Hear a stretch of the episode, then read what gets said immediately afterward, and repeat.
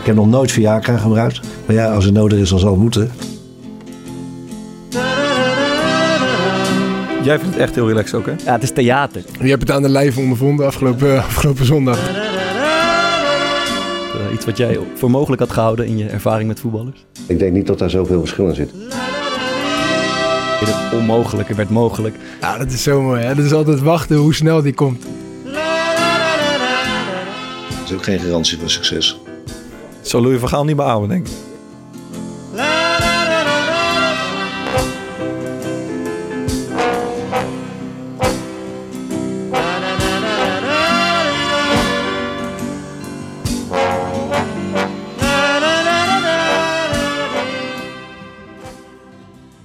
Het moderne voetbal vond zijn oorsprong in Engeland. Britse haven- en spoorwegarbeiders trokken de wereld rond met een voetbal in hun bagage en verspreidden het spel over de rest van de wereld. Met als resultaat dat voetbal inmiddels in elke uithoek wordt gespeeld. En dat in verschillende stijlen. Totaalvoetbal, catenaccio, kick and rush of tiki-taka. Zegt de manier van spelen iets over de cultuur van een land? En wat zegt onze speelstijl dan over ons? Met Simon Cooper treffen we een man die het kan weten. Simon, welkom. Dankjewel. Uh, ik ga je even introduceren verder voor onze, voor onze luisteraars. Je bent schrijver en journalist. Uh, vooral voor de Financial Times tegenwoordig, ja. Uh, je bent Brits, maar werd geboren in Oeganda. Groeide op in Leiden. Woonde in Zuid-Afrika, in de VS, in Berlijn, in Londen, in Parijs. En nu in Madrid. en je bezocht ook nog eens 22 landen om je te verdiepen in hun voetbalcultuur. Maar de Nederlandse cultuur ligt je dichtst bij het hart. Klopt dat? De Nederlandse voetbalcultuur. Dat bedoel ik. ben voetbal-Nederlander, maar ja. voor de rest geen Nederlander. Alright, alright.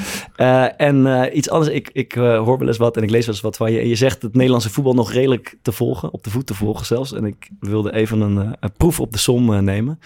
Um, met de vraag, voor welke club scoorde Thomas Verhaar afgelopen weekend zijn eerste doelpunt? Hij is op bij Sparta. En toen? En toen ik weet niet, ADO? Bijna goed. Het begint ook met een A. Nee, AFC in Amsterdam. Oké, okay, sorry. Hij zat er wel lekker in, man. Ik heb gezien. Hoe ging het, uh, To? Nou, de, de, de, je, de maakt, ik, ik, zei het tegen Maarten, hij kwam je binnenlopen, je maakt gelijk een frisse, en nu, lichte indruk. Wij dachten dat hij zijn bal had geschoten. Ja, dat, dat, maar, dat, dat was mijn eerste vraag. hij heeft een doelpunt gemaakt. Dat is het natuurlijk. Hij heeft een goal ja, gemaakt. Dat is, dat is wat ja, we zagen. Kan, uh, een goaltje kan, uh, kan een hoop doen met een mens. Geen nee, vleugels. Nee. De, de, spanning liep een beetje op, want bij AFC is iedereen wel ervan overtuigd dat we kampioen moeten worden van de tweede divisie. Ja. En uh, we waren niet zo goed begonnen. Dus uh, het begon al een beetje te rommelen op de trainingen. Wat uh, akkefietjes en weet ik dat. Maar uiteindelijk... Jij, jij bij betrokken of niet? Hè? Jij betrokken bij de akkefietjes? Ik was e één keer was ik inderdaad wel bij betrokken. Is er, is er geknokt? Op, op nee, nee, nee, nee. Het was gewoon een woordenwisseling. En uiteindelijk na de... Niet zo heel veel bijzonders. Maar er dat niks gebeurde in die, in die korte partijtjes. Ik, ik maakte een foutje en iemand wees me daarop. En ja, dat ging zo over en weer uh, steeds, uh, ja. steeds verder. Je weet hoe het gaat toch, uh, Maarten? ja, ik weet zeker hoe het gaat. Iets langer te blijven hangen. Nee, maar dus was lekker. over woordenwisseling gesproken. Simon, we kunnen er niet omheen. Jij zat afgelopen zondag bij Studio Voetbal. En raakte in discussie over de staat van het, van het huidige voetbal. onder andere met Rafa van der Waard. En we willen even een klein stukje van, van kijken. Het voetbal evolueert elk jaar. Dus het voetbal van nu is beter dan het voetbal van 2019. Veel beter dan het voetbal van 2014. En dan neem je iemand aan die een paar jaar, een aantal jaar niet in het voetbal heeft gewerkt. Wat, wat, wat zei je? Nou, het voetbal wordt elk jaar beter. En verandert elk jaar. Ik vind niet dat het elke keer slechter wordt. Ja, dat zeggen verandert wel. Ja, in Nederland bedoel je? Nee, maar ik ben het Mondiaal. wel... Ja, maar dat... nee, ik, vind, ik vind dat... Kijk, je gaat op voetbal omdat je verliefd bent op de bal. En als je verliefd bent op de bal, dan heb je vaak liefde met de bal. Klinkt een beetje raar misschien. Mm -hmm. Maar tegenwoordig hebben ze vaak ruzie met de bal. Nou, dat vind ik een heel groot verschil bijvoorbeeld. Want het moet allemaal fysiek, het moet allemaal sterker. Dat heb ik al vaker gezegd. Dus ik vind de kwaliteit minder worden. Laten we even aannemen, uh, laten we toch even aannemen dat het wel beter wordt. Ik denk dat Simon wel gelijk heeft. Maar, maar vind je echt gelijk dan? Maar leg dat eens ah. Elke sport evolueert en, en het feit dat spelers dat dingen sneller gaan. En spelers... Het gaat sneller, maar, is het, nee, maar als het sneller gaat, is het dan ook, beter. Ook, nou, Weet je waarom het ook, sneller gaat? Dat is ook een belangrijk onderdeel van het spel. Omdat ze veel ballen verliezen. Omdat ze allemaal de bal verliezen. Nee, natuurlijk wordt voetbal door de maar je jaren staat heen veel sneller onder wordt druk. beter. Sorry? Je staat nu als speler veel sneller onder druk. Natuurlijk. Zodra je de bal hebt, komen er drie man op je af. Daardoor Jullie, maar, maar, maar ik zit nu... te- we zitten te discussiëren. We hebben allebei zelf op het veld gestaan. Dat is niet zo. Alleen als jij heel veel rust... Waarom, waarom is Frenkie de Jong nooit een probleem als hij in de bal is? Hij is heel bijzonder. Hij, hij zit aan de bal is hij Maar denk je dat de eh, Van Hanegem bijzonder was? Of, eh, Ja, natuurlijk. eh, dat, dat is, het gaat erom, van, als jij ho- honderd keer die bal verliest... Ja, dan moet je fit zijn, omdat je hem elke keer weer moet veroveren. Hoe, eh, hoe, hoe, hoe vond je dit? Hoe was dit voor jou? Nou, ten eerste, eh, ik had Rafael nooit eerder ontmoet. Ik heb hem wel een paar vragen gesteld, bijna twintig jaar geleden, maar nooit eerder echt eh, ontmoet. Ja. En ik vond hem een hele aardige gozer. Mhm. Eh, erg aangenaam in de omgang. We zijn het niet met elkaar eens. Kijk, ik denk dat als je topvoetballer bent geweest, dat de meest belangrijke bepalende ervaring van je leven is het spelen van topvoetbal. Het wordt nooit meer zo intens daarna. En dat, dat, blijft dus, dat blijft je dus vormen ook jaren later. En ik denk dat voor Rafael, die ziet zichzelf, die voelt zichzelf nog steeds lopen op zo'n middenveld van Real Madrid of van Oranje. En het is ontzettend moeilijk. En hij is terecht trots op wat hij daar heeft gedaan. Dat hadden wij ook allemaal gewild, weet je. Honderd keer voor Oranje spelen. En, nou, en hij voelde denk ik als een soort persoonlijke aanval als je zegt het is nu beter. ja. En maar het is niet alleen, hij gelooft ook zelf oprecht dat het toen beter is, omdat hij nog nooit zo intens heeft geleefd daarna als dat hij toen leefde. De- Denk je echt dat dat het is?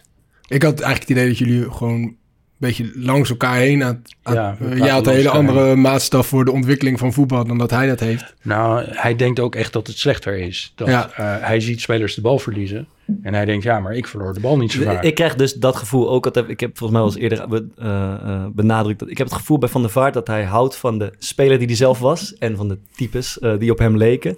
Ehm, en dat hij moeite heeft om buiten dat kader te, te, te treden. Dus het huidige voetbal is volgens mij wat je ook aanstipt. Dat staat ook veel meer voor fysieke kracht, loopvermogen. Ehm, en dat is niet het type speler waarvan de Vaart eh, van hield. Het, het is niet alleen fysieke kracht en loop. Uiteraard. Het is ook hele sophisticated Mm. eh, tactisch spel. Ja. Dus als jij de bal hebt, Ja. dan komen wij met z'n drieën en we sluiten alle looplijnen af. Ja. En we zijn ook zo fit dat we dat kunnen en dan Ja. gaan we weer terug. Ja. Dus tien jaar geleden had jij je makkelijker uit die situatie kunnen voetballen dan Ja. nu. Ja, ja. Want wat Van der Vaart zegt, kan ik ook nog wel een beetje begrijpen. Want, want de, de speler die hij was, die zie je inderdaad steeds minder natuurlijk op het voetbalveld. En wat jij zegt is dat dat inderdaad komt doordat de tegenstander op een bepaalde tactische manier daar, eh, of, of gewoon het voetbal daar eh, een antwoord op heeft gevonden. En dat iedereen dat gewoon best wel goed uitvoert. En dat gaat veel meer over tactiek dan over, over kwaliteit. Ja, maar je hebt wel spelers die dat nog steeds kunnen doen. Dus Marco Verratti of Ja. Frenkie de Jong. Die Ja. kunnen zichzelf nog steeds uit die situaties voetballen. Ja. Maar dat is hoog niveau. Ja. Dat is zo verschrikkelijk moeilijk. Ik keek met mijn kinderen tijdens de pandemie, liet ze op de Franse tv Frankrijk-Nederland uit 1981 zien. Frankrijk wint 2-0, goal Platini. En ik, daar staan we nog bij. Ik keek daar als elfjarige naar, dat was echt fascinerend. Het was zo slecht, mijn kinderen moesten lachen. Die spelers die kunnen geen bal over 15 meter spelen. Het is ontzettend traag. Nou, als ze nu tegen Frankrijk of Nederland spelen, zouden ze met 10-0 verliezen. Ja, want je- Bart, jij had het gelezen in eh, een van de boeken van Simon toch... dat er in de jaren 70 werd er gemiddeld 4 kilometer per wedstrijd. eh, je- in je boek eh, eh, Football Against the Enemy eh, van, van de week gelezen. Ik, ik, schrok daar, ik schrok van dat cijfer, want we weten dat gemiddeld tegenwoordig is, denk ik, in de topwedstrijden 11, 12 kilometer wordt er gelopen per speler. Die Vaart ziet er niet alleen uit als iemand uit de jaren 70, maar had ook moeten voetballen natuurlijk. Ja, was voor mij niet slecht. Ja, ik, ik, kilometer. Ja, Had- had ik ook wel gewild, wedstrijd, dat- ik, ik haalde qua totaalaantal best wel, eh, best wel aardig wat kilometers. En, keeper loopt nu rond de 5 Ja, volgens ja, mij in de ja, wedstrijd. ja, ja. Ik, ik, kreeg, ehm, ik kreeg een beetje het gevoel toen ik naar Studio Voetbal keek. ehm, eh, misschien is het niet waar, maar het was het gevoel wat mij bekroop. Dat ehm, Van der Vaart ook luistert naar jouw verhaal met een idee van... ehm, wie ben jij eigenlijk om daarover te oordelen? Is, Ja. is dat, eh, heb ik dat goed aangevoeld? Eh, dat klopt ook wel. En hij zegt eh, in het begin, als hij me gaat weerleggen, zegt Ja. hij... ja, maar ik en Theo Ja. Wij hebben zelf gevoetbald. Ja. Dus met andere woorden, jij hebt, jouw mening is minder belangrijk. Dat, ge- dat gevoel kreeg ik er Ja, ook. dat is zo mooi. Hè? Dat is altijd wachten hoe snel die komt. Die, die, die, die, die voetbal, hoe snel die voetbal hij, zegt het, wordt hij zegt het niet letterlijk, maar het zijpelt ook wel doorheen. Nou, hij zei- wel, hij zei het zei, letterlijk. hij zei wel iets van, wij, hebben, Ja, ja. wij Ja. hebben die praktijkervaring. Maar hij, Maar je- hij- maar je- hij zegt, hij, hij stipt daarmee niet aan, dus jij hebt minder recht van spreken, maar dat bedoelt hij wellicht Ja, wel. bedoel, het is een autoriteitsargument. Het is net als zeggen, ik ben arts, dus ik weet wat voor medicijn jij nodig hebt. Ja. Maar je ziet wel echt zo'n kleedkamer dingetje erin terug... dat hij dan eh, op een gegeven moment als Simon aan het woord is... dat hij eh, zo al zo zegt, wat, wat, wat zeg je? dat is natuurlijk vaak. Als iemand met een verhaal bezig is en je wilt gaan weerleggen... dan ga je al, je begint al te tackelen terwijl hij nog zeg maar, aan het woord is. Maar ik snap bij hem dan, dan niet, want hij is, hij is hartstikke vaak analist. Maar ehm, op een gegeven moment leer je toch wel dat... je kan niet de hele tijd concrete voorbeelden aanhouden, eh, aanhalen... om een ontwikkeling over bijvoorbeeld tien jaar te laten zien. Want hij, ik vind dat zo- zo'n zwaktebod dat hij dan begint. Het gaat dan over het Engelse voetbal, wat dan veel beter is geworden de laatste tien jaar. En dan pakt hij twee willekeurige spelers uit de selectie van nu. En dan zegt, die gaat hij dan vergelijken met Girard en Lampert. Het is waar dat Lampard en Gerrard individueel beter waren Ja. dan Rice en Phillips. Maar het niveau van Engeland en het tactisch spel van Engeland is veel beter nu dan tien jaar geleden. Dus dat zijn twee verschillende dingen. Kijk, Willem van Hanegem was individueel, hij noemde Van Hanegem ook, een briljante voetballer. Maar het niveau, het elftal, de fysiek waarin Van Hanegem speelde, was veel slechter. Als je die eerste minuut van het WK 74 ziet, dat kunt je allemaal uittekenen. Hè? Ja. Nederland speelt heel traag de bal een beetje rond. De Duitsers kijken er een beetje naar. Dat zou niet, nu, nu niet meer kunnen. Die Duitsers zouden de bal op het middenveld onderscheppen.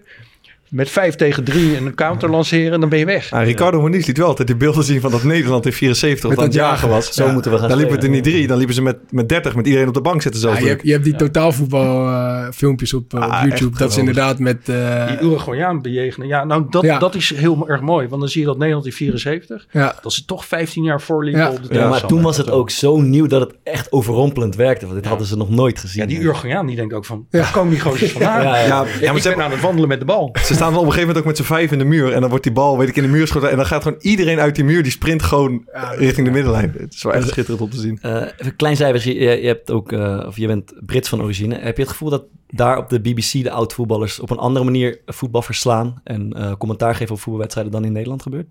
Nou, ik zie het in Nederland niet zo. Dus ik weet niet wat er hier wordt besproken. Wat ik wel weet is dat... je hebt het aan de lijf ondervonden afgelopen, afgelopen zondag. Nou, dat ik is een beetje het niveau. zeggen, ik, ik, we hebben na de uitzending hebben we een uur heel gezellig nagebald. Hele aardige, leuke mensen. Maar in Engeland zie ik dat af en toe. En kijk, vroeger was de discussie in Nederland was gewoon veel beter. Veel verder dan in Engeland.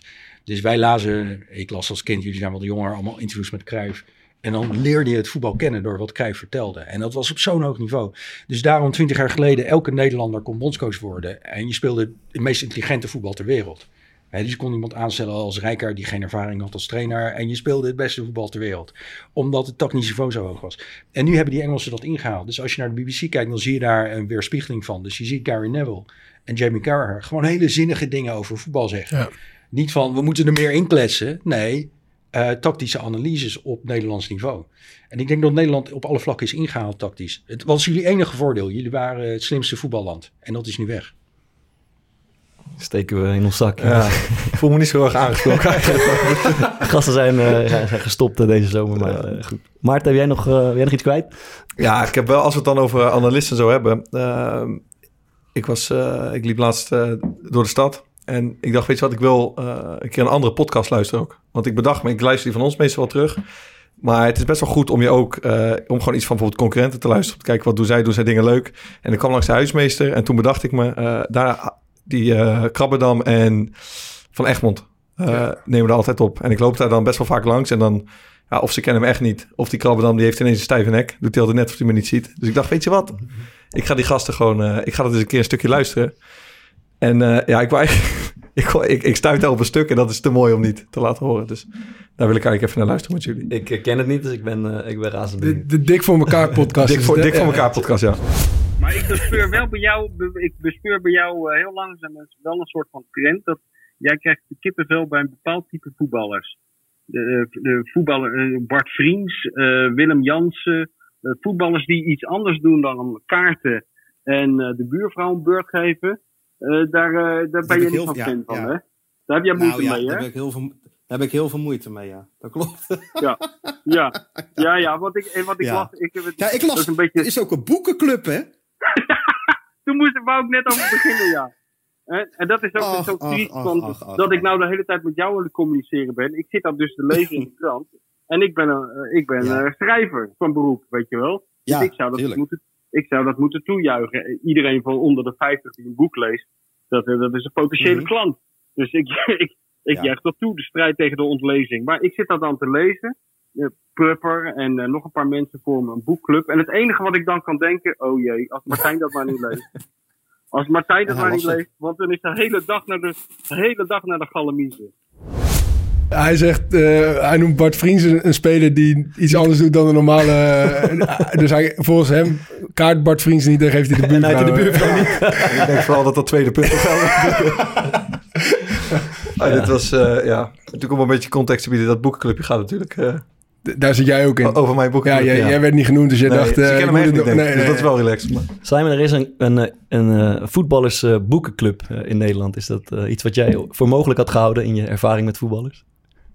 Nou, zeker. Ik weet nog dat ehm, David Winner die zei tegen mij... Ruud van Nistelrooy was op hem afgestapt en had gezegd... ik vond jouw boek Brilliant Orange zo goed. Dus eh, nee, dat, dat ken ik wel van Nederlandse voetballers. Ik werd een keer door Boudewijn Zende opgebeld. Ik had hem geïnterviewd. En eh, hij belde me en hij wilde niet zeggen wie het was. En hij, eh, dus ik, ik raadde een aantal namen. En aan het einde zeg ik, nee, het is Boudewijn. en ehm, hij zei, ik wilde je bellen, omdat het stuk wat je me over hebt geschreven, dat, dat vond ik zo mooi. En ik zei, van, nou, wat vond je er zo mooi aan dan? En hij zei, eh, ik vond het goed gestructureerd. dus ik was Inhoudelijke feedback ook, ja. Inhoudelijke kritiek, ja. Dus ik vond, eh, eh, er zijn zeker Nederlandse voetballers altijd geweest die boeken lezen, ja. Ehm, we hebben het eh, over voetbalboeken en ik denk dat we niet eh, ontkomen aan eh, je eh, nieuwste boek. Eh, FC Barcelona, het Imperium. Eh, wij, wij zijn toch benieuwd naar en vooral de, ehm, eh, ja, hoe het voor jou is om bij Barcelona binnen te lopen. Ik denk dat je daar een aantal jaar over hebt gedaan. Schat ik, me zo, schat ik zo in? Eh, ik ben er zo'n 30 jaar gekomen voordat ik dat boek, Ja. aan dat boek begon, ja. Ja. En het gaat over de... eh, 30 jaar, dan zit er in zo'n podcast bij ons eigenlijk niet zoveel voorbereiding. Maar het gaat over de, eigenlijk de, de, ja, de, de club Barcelona en alles eh, wat daarbij komt kijken. Maar vooral de financiële malaise waar ze in eh, zijn Ja, gevallen. alles, de financiële malaise, een klein aspect, ook, gaat ook over Cruijff, Ja. Messi en hoe zo'n werkplaats functioneert. Ja, ja. Ik, ik vond het het meest bizar. Ik zat dus dat studio voetbal te kijken. En ik moet zeggen, normaal als ik... eh, je hoort dan in die intro vandaag aan tafel Rafa van der Vaart en Arno Vermeulen. Heb ik hem toch wel eh doorgezept. Maar omdat Simon er zat, ik, ik moest natuurlijk mijn huiswerk doen. Ehm, maar daar zei hij op een gegeven moment over Messi. Van Messi is geen man van woorden, maar is een man van macht. En ik, ik vraag me dan toch, hoe ziet dat er... Heb jij dat ook aan de lijve ondervonden? Ik kreeg heel snel door, je moet niet om een interview met Messi vragen, want dat kunnen ze je niet geven. De club kan niet naar Messi gaan en zeggen, oh, die is een gozer die jou wil interviewen. Nee, Mhm.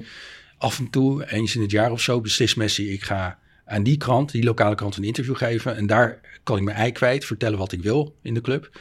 Maar hij had vier jaar lang had hij niet eens een persconferentie gegeven, terwijl hij terwijl die captain was. Dus nee, ze zijn heel bang voor hem. Maar ze, zijn bang voor hem. Zijn, ook, zijn ze gecharmeerd van hem als persoon? Of is dat Eh, Dat, nee, dat is niet het woord. Ehm, het is geen leuke vent?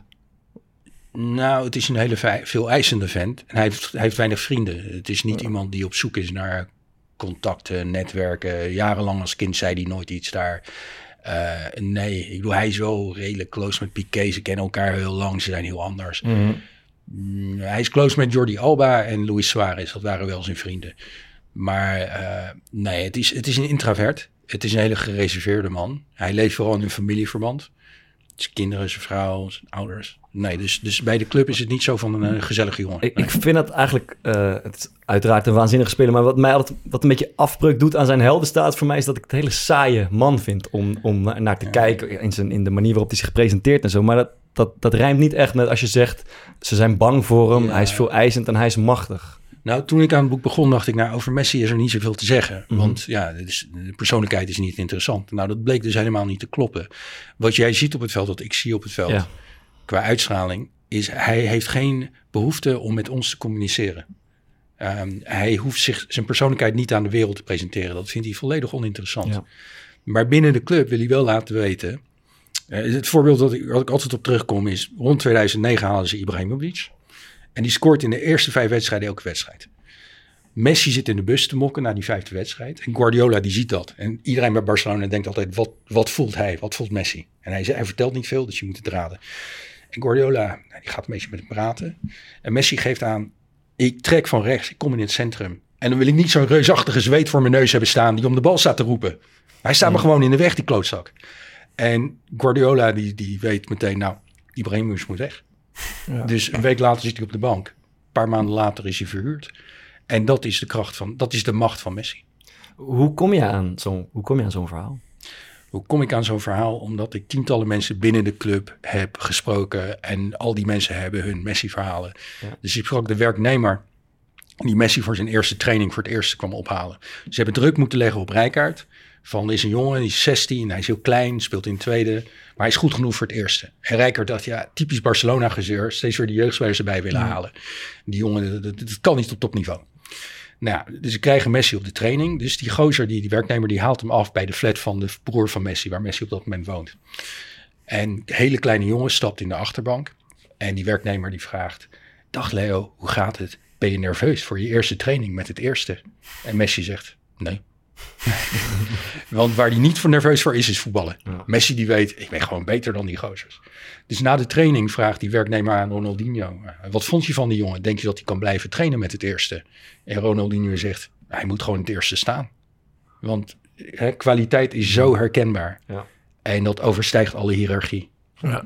Wat, wat is nou eigenlijk het, hetgene wat je bent tegengekomen daar waarvan je echt dacht van nou, dit, dit had ik zo niet verwacht. Of, eh, eh, of hier sta ik, sla ik een beetje stijl van achterover. hoe klein het was. Dus die mensen die kennen elkaar allemaal al 30, 40 jaar. En dan maak je ook ruzie met elkaar, want zijn je vriendjes Ja. uit de stad. Maar dan speel je plotseling om de Champions League. Of het Gaat het om spelers of om mensen op kantoor bijvoorbeeld? Iedereen. Dus ehm, eh, toen Iniesta eh, in de Masia zat, op zijn zestiende... toen werd, hij, werd voor hem gezorgd. Op, hij werd, op, het werd, op, hij werd ge- de, de oudere jongens die op hem pasten, dat waren Victor Valdez en Carlos Puyol. Die zien hem komen uit de provincie. Hij moet s'nachts huilen, hij is in zijn eentje. En eh, als Puyol naar het eerste gaat, zegt hij tegen Iniesta, hier is mijn matras.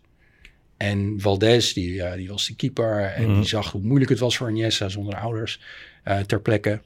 En op het moment dat Iniesta dat doelpunt maakt in de WK-finale tegen Nederland, komt Valdez van de bank rennen. Hij is reservekeeper van Spanje. En hij springt 50 meter van de bank om Iniesta te omhelzen. Want hij weet als 12-jarige jongen ver van huis, was dit zo zwaar. Hij had het eigenlijk willen opgeven en nu scoort hij in de WK-finale. Dus die banden zijn zo intens. Dus als Puyol zijn laatste persconferentie geeft. Puyol zegt, nou ik vertrek na 15 jaar. Hij moet huilen. En die spelers zitten allemaal de spelers in de persconferentie. En ze huilen, ook- huilen ook. Want die banden die, die, die zijn zo verschrikkelijk diep. Eh, nog één voorbeeld. Eh, Guardiola en Tito Villanova kennen elkaar de Masia. Boezemvrienden, samen gewoond in een kamer. La Masia is de jeugdopleiding. Jeugdopleiding. Ja. Nou, eh, Guardiola wordt hoofdtrainer in 2008. Natuurlijk neemt hij Villanova mee als zijn nummer twee. 2012 zegt Guardiola, ik kan het niet meer, ik ga weg. Villanova blijft zitten en wordt hoofdcoach. En Guardiola vindt dat zo'n verraad. Guardi Villanova krijgt kanker. Gaat naar New York voor behandeling. Guardiola is in New York. Kon hem slechts één keer opzoeken. Dus als Villanova overlijdt, mag Guardiola niet eh, op de begrafenis komen van de weduwe van Villanova.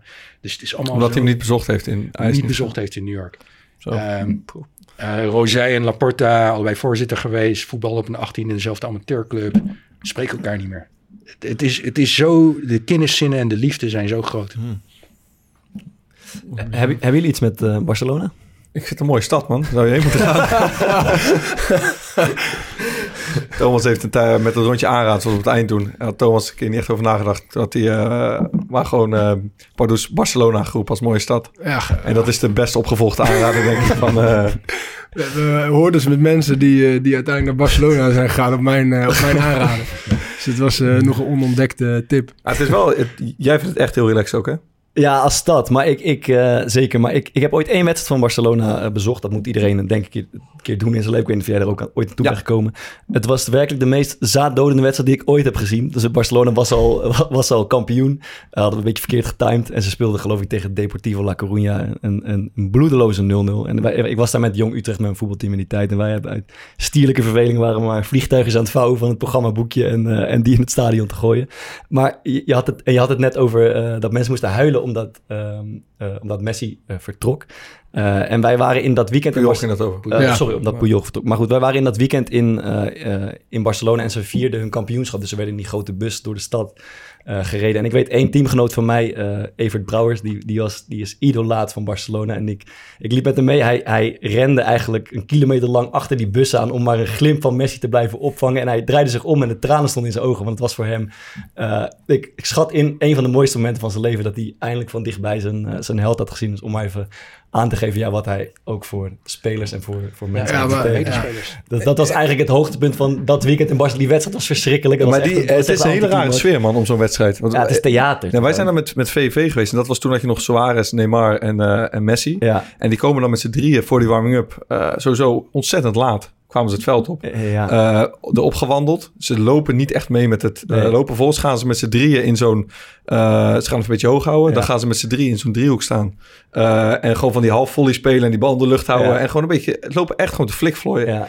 En die wedstrijd begint. En die Messi doet letterlijk 70 minuten geen flikken. Niks. Niemand zegt iets tegen hem. Hij doet, hij, ik denk oprecht dat hij geen sprint heeft getrokken in 70 minuten. Ja. Er staan 2-0 achter. En hij zet hem de laatste 20 minuten, zet hij die bommer aan en dan scoort er drie. Dat is, daar, daar ben je bij geweest. Ja. Kijk, Hij scoort twee, of hij scoort twee en, en hij geeft een assist. zo, en ja. hij kantelt gewoon heel die Ja, wedstrijd. ik, ik dat is heb een betere ervaring eh, dan die ik had. Ja. Ik, toen, eh, je had, ik weet niet meer wanneer, ik denk 2004 of zo moet dat zijn geweest. Of 2005 was er een eh, jeugd eh, WK hier in Nederland. Dat won Argentinië. 2005, ja. 2005, ja. ja. Tegen Nigeria was dat toch? Die- ja, ja, tegen Nigeria in de finale. En, en eh, dat was nog voordat Messi volgens mij zijn debuut had gemaakt. Nee, Messi had Messi- net, Messi net één speelde. keer... eh, Messi speelde die finale, hij scoorde beide doelpunten. Ja, speelde, ja. Maar bij Ja, Barca bedoel je? ja, bij Barça bedoelde ik. Nog voordat hij eh, was op... Oh, hij, had, hij had zijn debuut gemaakt, maar had één of twee wedstrijden ja, gespeeld. ja, zoiets. En toen ging ik... eh, ik was toen ze- 17, denk ik. Toen ging ik... eh, die zomer ging naar Joret de Mar. En toen was ik in Joret de Mar. Kwam je hem tegen? Nee, shit. toen was daar een eh, Barcelona fanshop. En toen dacht ik bij mezelf, hij had zoveel indruk op mij gemaakt tijdens dat WK. Ik dacht, ja, ik ga een eh, Barcelona shirt kopen Ja. met, met Messi en zijn nummer achterop. Maar toen was hij nog geen officieel lid van de selectie. Dus ik wilde dat shirt gaan kopen. En die, die ver- verkoper zei tegen me van, ja, ik weet niet welk rugnummer die heeft. Ja. Dus toen is hij die selectielijst gaan bekijken. En toen dacht hij van, nou ja, die speler gaat misschien weg. Dus dan krijgt hij waarschijnlijk eh, nummer 22. Was die, die, die Spanjaard die naar Liverpool ging. Eh, Ik weet je Luis. Garcia. Luis Ja, Garcia, ja, die ging toen weg. Toen dacht hij van, nou, hij kan wel zijn nummer gaan overnemen. Ik zei, nou, is goed, zet maar erop. Dus ik heb een nummer, ik heb een shirt van Messi met nummer 22. Uniek. Wat hij nooit heeft, ge- wat hij nooit heeft gehad. ja, en, en toen inderdaad een jaar geleden, ik denk 2019 was het, eh, ging met eh, Malon naar Barcelona. Toen zaten we s- smiddags- morgens te kijken. Toen zagen we Barcelona speelt thuis tegen Celta de Vigo. Kijken of we nog kaartjes konden regelen via, via GoGo. En toen hadden we voor 30 euro kaartjes. En toen zaten we helemaal vooraan. Ja. eh, precies waar Messi, zeg maar, de tweede helft speelde. En die maakte er ook drie toen. met eh 3-1 of zo. Ja, echt, echt. Ja. Eh, Wat, wat- die vriend van jou had, zeg maar. Ja, eh, dat had ik die, die heel die wedstrijd lang heb ik echt als een kind in een snoepwinkel. Ja. Echt een van de mooiste dagen uit mijn leven. Hij, hij kwam nog echt 10 meter voor me, kwam die staan juichen en zo. Nou, alsof ik een, eh, bizar, alsof ik een ja. klein kind was. Ik vond dat zo mooi om te zien. En, En had je dat shirt aan? hè? Nee, ik had niet dat shirt aan. Nee. Word je gek aangekeken, denk ik. hoor. 16, 22, hè. Maar ehm, eh, Simon, dat, dat Barcelona dat heeft natuurlijk iets magisch. Ik denk dat het, die hebben eh, ja, misschien wel het mooiste voetbal gespeeld in een periode van eh, wat we gezien hebben. Ehm, ja, doet dat wat je nu gezien hebt van binnenuit, ook een beetje een bende eh, blijkbaar, afbreuk aan die magie van die club voor jou? Nou, alles vervalt. En het verval is heel spectaculair. En dan, ik ben blij dat ik dat proces ook heb kunnen beschrijven in het boek. Maar blijf staan wat je zegt, het is het mooiste wat wij hebben gezien. En vroeger dacht ik over voetbal schrijven is iets laags. En vaak is dat ook zo. Van eh, die speler heeft ruzie met die speler en die gaat Mm. misschien vertrekken. En ik heb een niet zeggende interview met deze speler. En vaak is het, vaak is het allemaal onzin. Maar het is wel een voorrecht over wat zij hebben gedaan daar is een van de mooiste dingen die mensen hebben neergezet in onze levensfase. Op kunstzinnige niveau bijna. Eh, het, ja, ik weet niet of het kunst is, maar het is heel mooi. Het is geniaal, het is mooi, het is verheffend. Ja. Eh, je voelt je beter als mens. Het is een van de hoogste menselijke creaties. Het voetbal van Barcelona, het voetbal van Messi. Dus ja, dat, dat was gewoon een boek waard. Hoe bedoel je dat? Je voelt je beter als mens? Nou ja, we hebben de laatste jaren ook gezien... eh, de mensen die tot hele domme en vervelende dingen in staat... zijn we weer aan herinnerd. Eh, met Trump en Brexit en klimaatverandering. Al die dingen waar ik wekelijks over schrijf. En als je dan over Barcelona schrijft, eh, als je over Cruijff schrijft, eh, zeg maar de grootste denker in het voetbal de laatste 50 jaar, en dan over Messi, de grootste exponent van het voetbal, dan voel je je gewoon schoner en, en gelukkiger en mooier. En zoals jullie nu over Messi zitten te praten. Jullie zijn allemaal verheven door de aanblik. Ja. Het heeft jullie levens verrijkt. Mijn leven heeft het ook verrijkt. Dat is toch de moeite waard om over na te denken, te ja, schrijven. Eh, ik eh, denk dat we het over eh, voetbalculturen even moeten hebben. Omdat daar heb jij ook een deel van je boek, Voetbal Against the Enemy, gaat daarover. Je hebt veel landen bezocht om te, om te kijken ehm, eh, ja, wat er te vinden is tussen voetbal en politiek. Maar ook wat het, wat het voetbal zegt over de cultuur van het land en andersom. En ja, mijn vraag is, kan je globaal zeggen dat de manier van spelen van een, van een land... eh, iets zegt over de volksaard of over de cultuur? Ja, soms zijn zoveel invloeden. Kijk, ik denk dat Nederland zo ging voetballen, Nederlands voetbal ging spelen, omdat Cruijff en Michels toevallig daarop zijn gekomen. Ja. En dat heeft deels met kijk, elke Nederlander, dat komt ook door het Calvinisme, denkt dat hij de waarheid in pacht heeft. Dus als 20-jarige kan je zeggen, dus elke Nederlander in de goede fase zal spel bepalen op het veld. Dus je speelt met tien spelmakers. Elke speler denkt, ik kan een interessante paas geven. Komt de Zit bal niet in. Maar de, de, Nou, interessante paas geven, daar Bart geen last van. Daar Nederlander die dat niet denkt. Hè? de uitzondering die de regel bevestigt, Bart Vriends. Nog nooit een interessante en- paas en gegeven. Zelfs in dat goede Nederland had Michael Reiziger dat niet. Die wist, eh, dat, dat mag ik niet. Maar Ja. negen spelmakers plus Reiziger. Daar eh, identificeer ik me dan weer mee. Nee, maar eh, de- je, je, je stelt eigenlijk dat de Nederlander over het algemeen zichzelf een, een, een goede en waardevolle speler vindt. En Nou, je, mag, je, mag, je mag zelf denken. Dat, dat zegt het Calvinisme ook. Je moet de Bijbel zelf lezen en dan kan je zelf de waarheid hebben. Ja. En dus, dus voor een deel is dat dus Nederlandse cultuur. Maar het is ook voor een deel dat Cruijff en Michels toevallig met deze hele rare pressiestijl kwamen. En dat werkte. En daarom spelen jullie Ja, dat al. Ja. Ja. nu niet meer, maar heel lang. En in Engeland eh, ja, is het ook een beetje ja. Het is geschiedenis. Voor Engelse mannen was het instituut waar ze bewondering voor hadden. Zeker mannen uit de arbeidersklasse was het leger. Je had zelf in het leger gezeten, generaties lang. Of je vader had in het leger gezeten. En er was niks beters van een, eh, voor een groep mannen dan het leger. Nou, het leger dat gaat over gehoorzaamheid. Gaat over dapperheid. Gaat over hard werken. Discipline. Ehm, dus je gaat niet zelf een mening hebben of zo op het veld. En je, je gooit gewoon de beuker in. Dat is het leger. Dus, dus het Engelse voetbal was heel lang daarop gestoeld. Dat Heel werkte niet goed. Ja, heel hiërarchisch ook. Dus je luistert naar de trainer. Dus toen eh Sven-Goran Eriksson bondscoach werd... toen vroeg hij voor de wedstrijdspelers van... nou, in jouw zone van het veld doet de tegenstander dit en dat. Hoe denk jij dat wij moeten gaan spelen in jouw zone? En de speler, de international van Engeland... die zei dan tegen hem... ja, jij bent de baas. Dat moet je, u bent de baas. Dat moet u beslissen. Want die spelers wilden dat helemaal niet. Terwijl Cruijff zei, als je tegen Nederlandse voetballers iets zegt... als je, als je, als je het Nederlandse voetbalteam ademt... dan roepen alle spelers, ja maar... Hè, dus, ze hadden vroeger allemaal een mening. Dat is best wel grappig. Ik hoorde laatst een verhaal van een, eh, een, een jonge jongen bij Feyenoord in de selectie. En die traint dan met het eerste mee. Het is echt voor mij is hij een jaar of twintig. En die hebben nu daar Van Persie als spitstrainer. Ja. En op een gegeven moment zijn ze de oefening aan het doen. En toen ging hij aan Van Persie uitleggen hoe, waar dan zijn eerste touch naartoe moest gaan. dat is daar wel denk ik dan een aardig voorbeeld van. Nou, ik was bevriend met Mark. Dat is een Engelsman die ook bij Fortuna had gespeeld. Eh, en eh 20, 30 jaar geleden. En Mark die vertelde, bij mijn eerste training bij Fortuna... hadden we vijf minuten een partijtje gespeeld. En toen viel het spel stil, omdat er een lange discussie uitbrak... tussen alle spelers over de opstelling van de twee centrale verdedigers. Waar ze ten opzichte van elkaar moesten staan. En hij zei, in al mijn jaren in het Engelse voetbal... heb ik dat discussieniveau alleen op een trainerscursus ooit meegemaakt.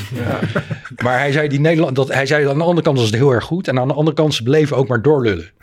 En hij zei, het is ook mooi wat Engelsen hebben van... ik ga 90 minuten lang hard werken. Hij zei, dat hadden Nederlanders dan weer helemaal niet. Ik wil het iets concreter maken, want dit onderwerp werd een beetje getriggerd eh, eh, eigenlijk door mijn eigen frustratie. Want ik, ik heb het idee, in mijn herinnering, ehm, Nederlands, het Nederlands elftal verliest altijd op cruciale momenten. Het Nederlandse voetbal verliest vaak finales, verliest vaak cruciale halve finales wedstrijden. Ik kan me herinneren, uiteraard Ajax Spurs van een aantal jaar geleden, onmogelijk, het werd mogelijk. Eh, AZ tegen Sporting, nog langer geleden.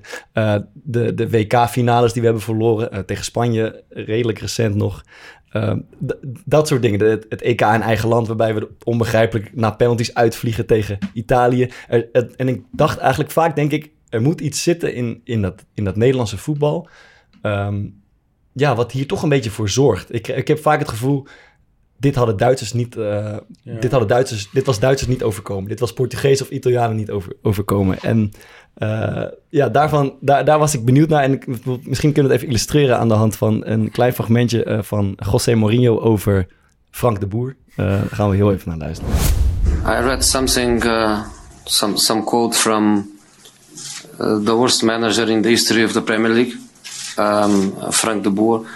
Uh, seven matches, seven defeats, zero goals.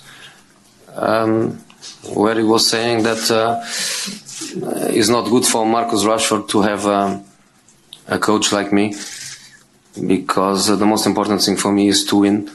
If he was coached by Frank, he would learn how to lose because he lost every game. Ja, dit is misschien een, een soort onderrondje, maar ik zou ook wel iets kunnen zeggen over de volksaard van Nederlandse trainers of Nederlandse spelers. Nou, ik denk voor een klein land is het makkelijker om goed en mooi te zijn dan te winnen. Hè, als klein land kan je heel moeilijk winnen. Nederland heeft, nou, omdat de anderen met meer zijn, dus hebben meer spelerspotentieel. Maar- dus Duitsland en Italië hebben normaliter betere spelers dan Nederland. Gewoon Maar we zijn een, potentieel. een, een groot voetballand. Een Ja, enorm zijn een heel voetballand goed zelfs. voetballand. Ja. En eh, ik vind dat Nederland ook een heel succesvol voetballand is. Ja. Hè? Drie weken WK-finales, daar zijn we eigenlijk allemaal trots op. We zien het niet als een tragedie dat we drie keer hebben verloren. We zien het meer als ja, fantastisch dat we daar steeds bij waren. Maar Nederlanders hoeven niet te winnen. Kijk, als de Duitsers een WK-finale verliezen, dan is het een afgang. Brazilianen ook. Terwijl bij jullie is het allemaal van, nou, fijn. Dus ik heb, ik heb foto's, ik heb een foto in het boek. De spelers eh, komen in 74 terug van, uit Duitsland. En ze worden toegejuicht op het bordes van eh, het Leidseplein in Amsterdam. Want van wat mooi, we zijn tweede geworden. En nou, dat is ook wel logisch. Tweede van de wereld is echt wel iets. Dus Nederlanders hoeven geen, eh, geen grote wedstrijden te winnen. Dat is al een succes. En kijk, en Cruijff die, die dat dan tot morele overwinning. Daar was hij heel erg mee bezig na 74. Maar ja, voor jullie zijn morele overwinningen veel makkelijker te bereiken dan echte overwinningen. En wa- wa- waar zit dat hem in dan? Nou ja, eh, als je tegen Duitsland speelt en zij hebben 80 miljoen mensen en jullie hebben 17 miljoen mensen, dan hebben ze normaliter gewoon. Maar is dat dan toch een is dat dan een minderwaardigheidscomplex op een bepaalde manier? Eh, nee, ik vind dat je altijd een- het kleine broertje voelt. Uh, maar jullie zijn ook een kleine broertje. Het, ik vind dat Nederlanders. Kijk, waar ben je als land trots op? En Nederlanders kunnen niet trots op zijn. Kijk, Amerikanen die, die hebben een soort verplichting om te winnen. Oorlogen en sport. Maar jullie hebben helemaal geen verplichting om te winnen. In een land van 17 miljoen mensen er is niemand die zegt wat een afgang. Nederland heeft drie WK-finales verloren. Nee, jullie verplichting is om een soort licht tot de wereld te zijn. Een gidsland in het voetbal, de politiek. Dat jullie de mooiste zijn. Maar niet, niet de, meest efficiënte. Dat, dat hoeft niet. Dat, dat is voor de grote landen. Eh, Maar zou je het zo kunnen stellen dat wij dat op een of andere manier zo hebben eh, aangeleerd of eh, geïnternaliseerd, dat dat zich vertaalt in de manier waarop we voetbal spelen? Uh, ja, op, dat liep op een gegeven moment uit de hand. Maar inderdaad, van uh, ja, wij vallen altijd aan. En uh, wij hebben altijd technische spelers. Wij hebben geen Hans-Peter Perigel. Dat soort voetballers, die komen er bij ons niet in. Wat is Han, wie is Hans-Peter Perigel? Kennen we die? Hoe ziet, hoe ziet de voetbal van Perigel eruit? Perigel was een enorme Duitser. Hij was geloof ik een tienkamper. Hij was zo'n twee meter lang en weet je, 200 kilo. En kon 10 seconden, 100 meter in 10 seconden lopen. Kon niet echt heel goed voetballen. Maar die gozer heeft volgens mij wel twee WK-finales gespeeld. Ja. In het Nederlands elftal had hij had hij eerste divisie gespeeld. In Nederland had hij eerste divisie Is dat ook de reden waarom Denzel Dumfries zoveel uh, kritiek krijgt hier in Nederland? Of Gusteel ja. bijvoorbeeld? Ja, maar goed, de, wat, wat, het gekke wat er gebeurt is dat Duitsers Nederlandse voetballers zijn gaan opleiden. Of Barcelona voetballers ja. zijn gaan opleiden. En Engeland ook. Dus blij, jullie hadden het bij het rechte eind. Jullie hebben het moderne voetbal uitgevonden. Het probleem is zodra de Engelsen en de Duitsers en de Italianen dat gaan kopiëren, dan gaan ze het gewoon beter doen. Ja. Hebben jullie dat idee zelf niet? Als, we, we zitten daar zelf middenin aan Nederlands voetbal. Maar ik, ik voel vaak ook wel dat wij... Stel, we hebben op de training een waanzinnige aanval. Weet je, zo uit het boekje eigenlijk. Hè, vanaf de keeper naar de verdedigers, naar het middenveld, tik-tak. Het liefst nog een hakje. Uh, dan staan we eigenlijk allemaal te juichen. Uh, en, het, en een dag later wordt het uh, op, op het videoscherm nog eens laten zien uh, door de trainer van dit is de manier waarop we willen spelen. Maar gewoon pure effectiviteit. Een, een hele snelle lange bal achter de verdediging die, die, die, die door een spits wordt aangesneden en binnengelopen. Dat waarderen we toch veel minder. delen jullie die mening? Ja. Ja, ik hield altijd heel erg van die lange bal als keeper. Maar ik heb dan altijd helemaal vlot gescholden als ik, hem, uh, als ik hem direct lang speelde. Want er zijn altijd heel veel spelers in maar de dat had te maken met die... vermoeidheid, denk ik. Dat ze dan uh, het idee hadden van als hij goed valt, dan was het heerlijk. Dan lag je er gelijk bij, anders was je hem weer kwijt. Maar nou, misschien is het ook wel dat mensen gewoon altijd inderdaad verzorgd willen spelen. Ik, ik heb vaak het idee dat we, uh, um, misschien gaat dat onbewust, dat we um, ja, mooi spelen verkieven boven effectief spelen. Uh, want dat vinden we eigenlijk ja. te minder waardig of, of niet mooi genoeg. Of, uh, ja, dat heb je dan zelf al toegepast in je eigen spel, dat je het mooi hebt weggehaald. Ja, ja. Gelukkig heb jij uh, lekker, lekker, gespeeld, lekker effectief gespeeld de laatste jaren. Ja, maar ik wel spelen. Hij gaat, denk ik vooral over een bepaalde vorm van assertiviteit. Dus dat je het heft in eigen handen wil nemen. En als je dat wil, dan moet je dus zelf iets kunnen creëren om, om ervoor te zorgen dat je wil winnen. Ik denk dat het daar vandaan komt. Dus als je slecht speelt en je wint, dan denk je van ja, we hebben wel gewonnen, maar dat lag niet per se aan ons, maar dat lag misschien eerder aan de, aan de zwakte van de tegenstander. Mm, ja. en, en dat is hetzelfde met als je vanuit achteruit wil opbouwen en je wil verzorgd spelen, dan is dat zeg maar de manier waarop jij zelf kan zorgen, zonder dat de tegenstander één fout hoeft te maken, uh, dat, dat je kan winnen. En ik denk dat dat vooral misschien wel uit een, een beetje de Nederlandse cultuur samenvat, dat je, dat je zelf verantwoordelijkheid neemt en niet afhankelijk wil zijn van eventuele fouten van de, van de tegenstander. Maar dat klopt dan wel wat Bart zegt, want volgens mij is dat een van de minst effectieve manieren om een doelpunt te maken. Ja, dat is zeker waar. Ja, ja, dat, ja. dat is eigenlijk het punt, ja. Want volgens mij komen 9 van de 10 goals komen Uit voort uit fouten van de, van, van de tegenstander. Of misschien wel van jezelf. Ja. Wij, wij hebben dat aan het, uh, ongeveer aan het Easy Toys uh, kleedkamer. ja, ik heb het even aan die, uh, aan die gasten voorgelegd.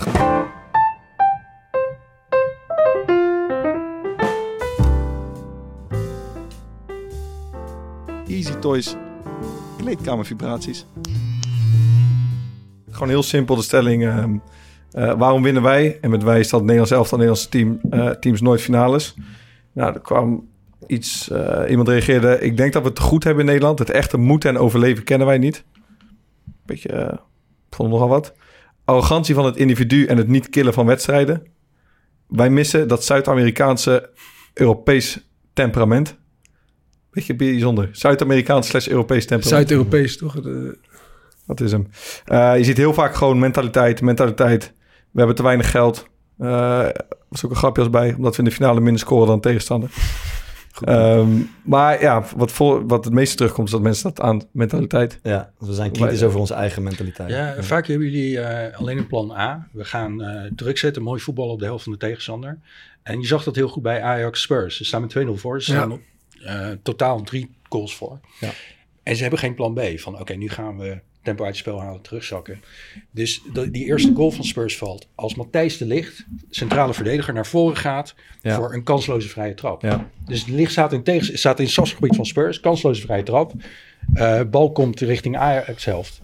En dan staat alleen die Argentijn die niet kan voetballen.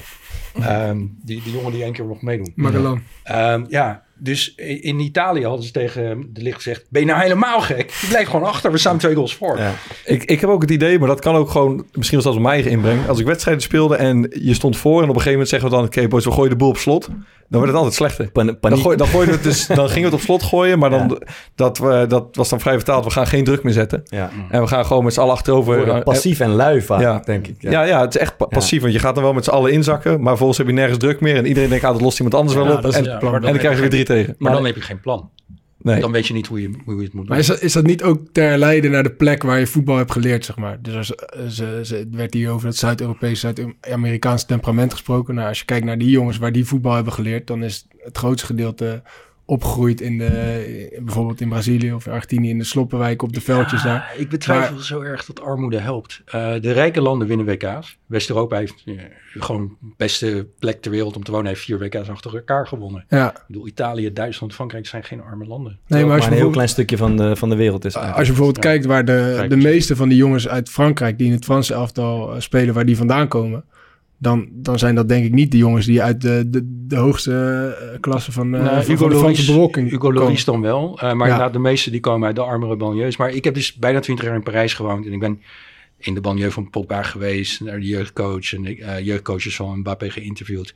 En ik denk dat het deels komt, want er zijn flatgebouwen. Ja. Dus je, je hebt een kleine woning, dus je gaat naar buiten de Ja. straat op. En wat ze in Frankrijk wel doen is, op elke straat is er wel een speel, speelterrein. Dus die jongens die gaan allemaal de straat op, die gaan voetballen. Eh, je hebt ook een voetbalclub op de hoek met, met gediplomeerde coaches, net als in Nederland. Dus Ja. de vader en de broer en de oom van Mbappé waren gediplomeerde coaches. Ja. Dus je hebt al die jongens die willen voetballen. En je hebt een staat die, die dat mogelijk maakt. Dus ik weet niet of het zozeer armoede is als wel... Maar als het, over, Nou, ik- als het over mentaliteit gaat, denk ik, denk ik wel. Want eh, nou ja, ik, ik heb zelf bij een voetbalclub in Rotterdam gespeeld... waar de, de, de rijkere eh, Rotterdam altijd speelde. Welke en, club is dat? Eh, VOC.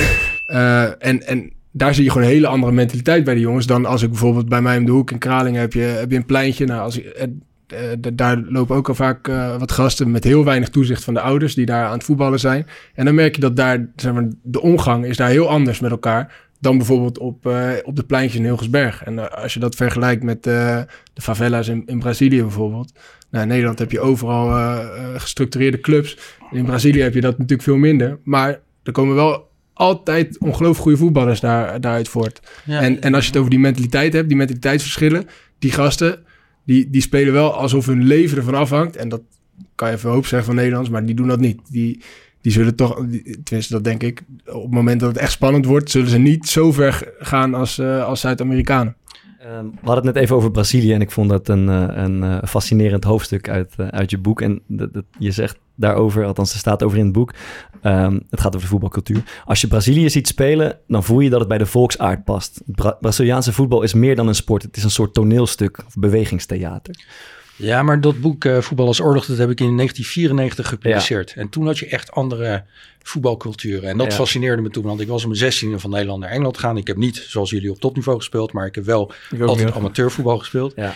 En ik kwam in Engeland en ik was middenvelder. En ik merkte, je krijgt de bal hier niet. Want je ziet de bal steeds over je heen gaan. Naar voren en naar achter. Ja. En het was alsof je van tennis overstapt naar pingpong. Een hele andere sport. Dus ik begon daarover na te denken. En in 94 had je echt verschillende speelstijlen. Maar als je nu, zeker op topniveau, als je het EK ziet, Ja. kan je zeggen dat Italië Italiaans voetbalt of Engeland Engels of Nederland Nederlands. Dat, dat is er op topniveau is dat helemaal weg. Maar toch lijkt er in dat. Maar ik wil niet zeggen dat ik een hele goede voetbalvisie heb. Maar als ik dat Italië zag spelen op het EK. Dan lijkt daar verdedigend. Lijkt dat toch zoveel beter alsnog in elkaar te zitten. Ja, ze hebben dat plan B nog steeds. Van als we Ja, de nou, dat- laatste ja. vijf minuten tegen moeten houden, dan kunnen we dat Want, ook. want, want zijn Ja. voetbal inderdaad supergoed. En je hebt daar eh, bijvoorbeeld zo, daar hebben we het ook over gehad, die Bonucci. Eh, het ziet eruit als een robuuste verdediger. Die speelt, nou, die speelt echt krankzinnig eh, goede bal in.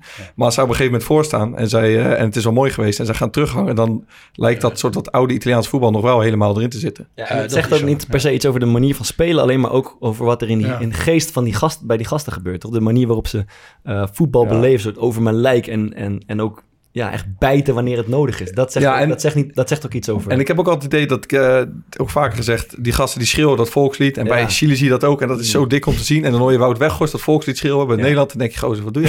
eigenlijk? Dat, past helemaal niet nee, dat past helemaal niet. En ook als ze dan bijvoorbeeld je gaan wil, juichen. je wil een Italiaan zijn. ja, ja, weet ik niet. Maar dat, dat zegt misschien ook iets gewoon over, over mijn... hoe- Ik denk ook dat wij dat niet willen. Dat, eh, over het algemeen gaat Oranje niet naar een toernooi om te winnen. En dat, dat verwachten... Zal Louis van Gaal niet beamen, denk ik. Dat willen we eigenlijk ook niet echt. Wat wij willen is dat we het beste voetbal spelen. Dus in 2010 zag je veel mensen, waaronder ikzelf, en waaronder Johan Cruijff, ook afhaken van ja, als het zo moet, dan vind ik het niet meer zo leuk. Ja. Dus ehm, het doel is gewoon anders. Terwijl in de meeste landen denk je, nou wij gaan daar om zo ver mogelijk te komen. Maar zelfs ook de Duitsers, hè, die, die op een gegeven moment rond 2000 zeggen ze, ja, het is niet meer leuk om slecht voetbal te spelen, finale te halen. Wij willen zeg maar mooi voetbal spelen.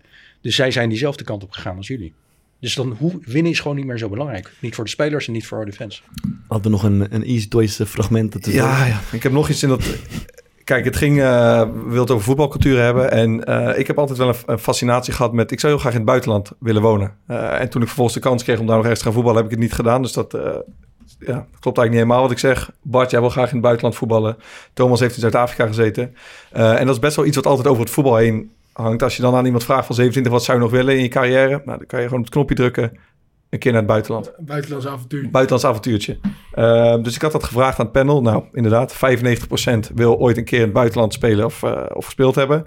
Um, toen was ik wel benieuwd, gaat het dan om het avontuur of om het leven in een andere cultuur, wat een beetje met elkaar te maken heeft, of gaat het om het geld? Nou, toch wel een goede 35% die het uh, gewoon puur voor het geld doet. Ja, um, toen heb ik eventjes onderzocht uh, wat dan de favoriete voetballanden zijn. Wat, wat denk je daar? Ik, ik gok... Uh, ja, ons panel bestaat denk ik wel uit hoop voetballers die wel graag naar Amerika, Australië, Spanje, Italië. Ja, we hebben een heel uh, representatief uh, panel bij elkaar verzameld, ja. Thomas. Er zit van alles bij. Wat denk jij, zijn het favoriete voetballand van ja, alle Ik denk dat Thomas wel gelijk heeft. Uh, de, de leuke landen Australië, VS, Spanje. Ja. Engeland, Italië, Spanje. Dus het Engeland wel redelijk met kop en schouders ja, ja, ja, En eentje, denk ik, die is het allereerlijkst. Die heeft gewoon getypt ergens in de zandbak. dat is 1%. Die had denk ik niet ingevuld dat het, dat voor het geld was, maar voor het avontuur. Dat denk ik ook. Maar waarom ik dit mooi vond om uh, ook om aan te snijden is... Um, ik heb altijd met jongens gespeeld. Uh, dan had je één jongen in het team die speelde bijvoorbeeld voor een Afrikaans land. En dan had je zo'n interlandperiode en dan ging die... Uh, bijvoorbeeld Jeffrey Fortes ging dan naar uh, de Kaapverdische eilanden. Uh, heb ik iemand gehad die speelde bij Senegal, noem maar op. En um, nu vorig jaar was Ahmed Mendes Morera, ja. met wie wij bij Excelsior speelden, voor het eerst oproep voor Guinea. Nou, dat is heel gaaf, een paar keer met hem over gehad. En hij ging dan daar naartoe, super, super trots. Uh, en het was natuurlijk interlandperiode nu. En ik zit zo een beetje uh, die podcast voor te bereiden. En ik kijk op Twitter. En ik zie ineens allemaal beeld dat er een staatsgreep is. Nee. dus ik, uh, ik stuur hem een bericht. Ik zeg, joh, ik zeg, is er nou een staatsgreep gaande daar? Zij zegt, joh, gozer, het is echt krankzinnig. Hij zegt, het is uh, op 10 minuten ongeveer van het hotel waar we zitten. We kunnen niet naar buiten. Stuurde die filmpjes door. Dat allemaal granaten afgaan. Dat er geschoten wordt op straat. Uh, en dus gewoon op, ja, uh, ik wil zeggen Nederland 1, maar Guinea 1. Ik weet niet hoe, hoe, die show daar heet. Um, gewoon in die, aan het bureau van de president. Gewoon legergeneraals met mitrailleurs erbij. En ja, we hadden het daar zo dus een beetje over. dus ik zei nog tegen hem, wel lekker getimed ook. Ga je één keer per jaar daar naartoe. Zoals altijd de staatsgreep doen. maar toen zag ik hem gisteren, dat hij zei, ja, het is op zich wel veilig nu, ja. lijkt het. Um, maar ja, de grenzen zijn dicht.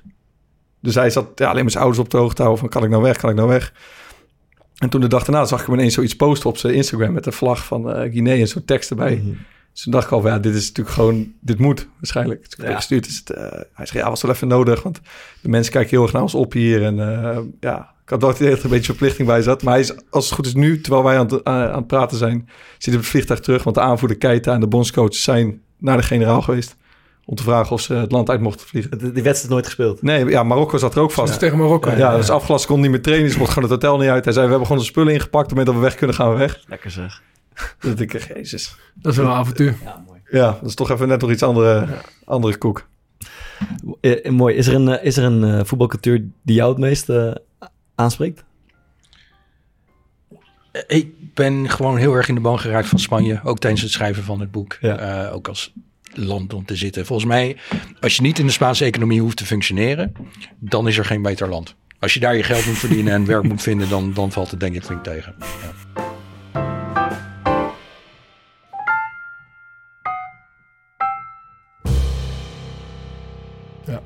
Klopt het dat jij, dat jij gewoon eh, verhuist om een nieuwe taal te leren of in een nieuwe cultuur? eh, Ja, te eigenlijk wel. Ja, ja. Zonder doel verder op zich. Ja, zonder doel. Ik schrijf een internationale column van de Financial Times. Dus dan kan ik wel een jaar ergens anders gaan wonen. En eh, in de pandemie raakten we heel erg uitgekeken op het leven in Parijs. Zes uur avondklok, Ja. eh, acht maanden geen zon. eh, Ja. Dus we wilden als gezin gewoon iets anders en Spaans leren. En eh, ja, dus het eigenlijk puur voor de lol. Ja. Wat vind je eigenlijk het interessantste om over te schrijven? Eh, als je denkt, ik kan hier iets aan toevoegen, dat had ik met, met de Vrolijke Verrader, dat had ik met het Barcelona-boek. Als je denkt, ik heb iets gezien, ik heb iets nieuws gezien. Eh, en dat kan over voetbal gaan, dat kan over politiek gaan, dat kan over klimaat gaan. Maar als je denkt, ik heb iets gezien wat anderen niet hebben gezien. Heb je nu iets op het oog? Nee. Ik schrijf een boek over de Britse elite, hoe die is, hoe die is gevormd. De, er zijn allemaal gozers die tegelijkertijd met mij ongeveer op Oxford hebben gestudeerd, jaren 80, jaren 90. Dus ik ken de mensen als Boris Johnson en David Cameron toen niet. Maar ik weet hoe ze zijn gevormd. Dus ik beschrijf de vorming van een elite en de vervorming van een elite. Dat komt volgend jaar. Eh, heb je het idee als, als journalist dat je, dat je nog iets eh, teweeg kan brengen in de wereld? Dat je een beetje kan bijdragen aan verandering? Of... Ja, die illusie heb ik bijna niet. Kijk, bij de Financial Times is het een beetje raar, want je wordt gelezen niet door heel veel mensen, maar wel door de mensen die de wereld runnen. Dus je wordt gelezen door ehm, premiers en topambtenaren en topmensen in het zakenleven. Ja. Ehm, dus Bill Gates leest je verhaal, Ja. misschien, Ja. af en toe. Bill Gates leest natuurlijk de Financial Times. Obama leest de Financial Times. Dus je, je hebt een hele korte weg naar de mensen die de wereld bepalen. Lijkt mooi. Wil je nog iets vragen of eh, gaan we naar de aanraders eh, van de Ja, week? ik heb nog wel veel vragen, maar dat gaat, dat gaat denk ik de, de eindeditie toch niet halen. Dus. Eh, dan eh, gaan we afsluiten met een, een rondje eh, aanraders voor de luisteraar. Eh, eh, Simon, ik ben, eh, ik ben benieuwd. Eh, ik ben me aan het inlezen over Spanje. Dus ik ben een boek in het Engels aan het lezen. Heb ik net gelezen van eh Javier Cercas, The Soldiers of Salamis. Soldiers of Salamis. Over de Spaanse burgeroorlog. En het is een soort droom van hoe Spanje niet vernietigd had kunnen worden. En het is een hartstikke mooi boek over een schrijver, een fascistische schrijver uit die tijd. Mooi. Schrijf op. Thomas. Ja, jij had een tijd geleden eh, de David de Mediazaak getipt, die podcast. eh, Jij zit helemaal in een podcast ik ook ben tegenwoordig. ik, ik, weet, ik ben gisteren geweest. Ik weet ja, ja, dus, eh, dus die, die volg ik dan Ja. trouw op natuurlijk. Ja. En dat, ja, dat is eh, een weergeloos podcast, bizar verhaal. Met inderdaad een rare rol voor eh Maries de Dagoe. maar, eh, maar daar is nu een film over. En ja, die, is, die is vorige week uitgekomen, Ja. De Veroordeling. En die, eh, die ben ik gaan zien. En eh, eh, je hebt natuurlijk... één iemand wordt weggezet als dader. Dat is de, de klussersman tussen Ja. aanhalingstekens. En die wordt echt verbluffend eh, goed gespeeld door... eh, Jorik van Wageningen, geloof ik. Mm. En eh, super overtuigend. Dus dat is, dat is mijn aanrader, de veroordeling. Mooi, mooi. Ik, ehm, ik heb een mooie documentaire gezien op, op Netflix. Het heet Turning Point. Het gaat over de situatie in Afghanistan. En vooral de aanloop naar 9-11 toe. En dat is volgens mij best wel actueel nu. Eh, en ik zag ook dat ze bij de NPO daar een documentaire... Nu, dus die ga ik nog kijken. Maar deze is echt tof. Dus ze laat helemaal zien hoe Amerika eerst dan... Taliban deels heeft geholpen. En al die Ja. partijen, waar die partijen vandaan komen... hoe die sentimenten daar zijn ontstaan. Ja. Eh, dus om dan een beetje context te bieden zeg maar, aan dat hele verhaal. En als je...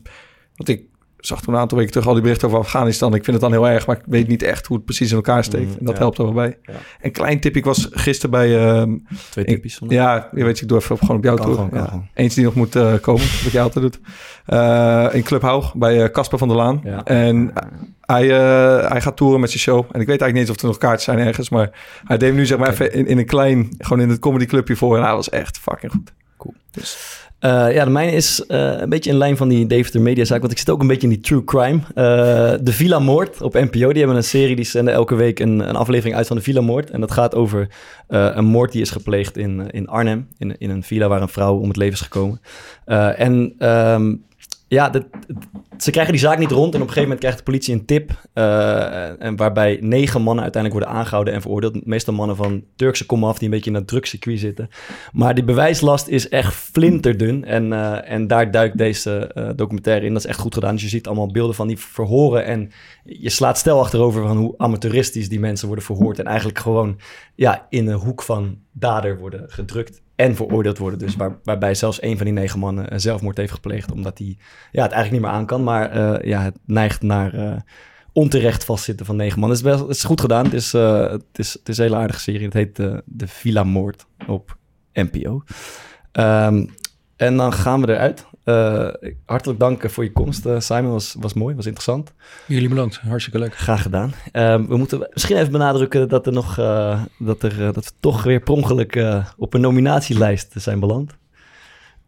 Ik heb geen zin om campagne te voeren, maar we moeten toch even... even Gaan we zingen? aanstippen. Thomas, ga je zingen? Nee, nee, nee. Goed.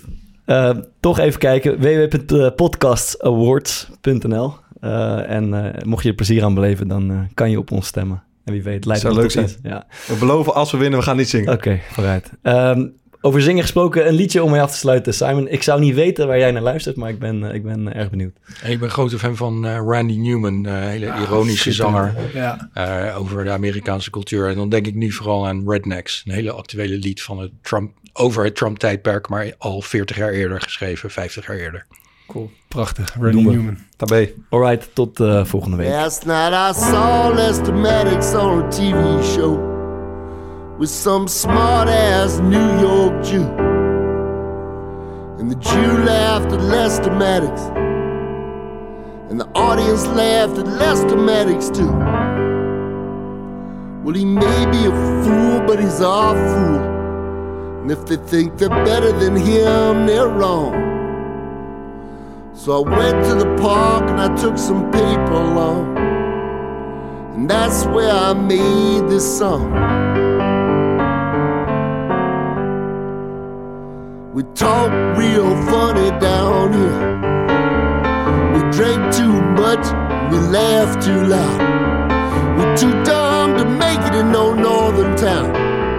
We keep it in the elders down. We got no neck oil men from Texas. Good old boys from Tennessee. College men from LSU. When in dumb, come out dumb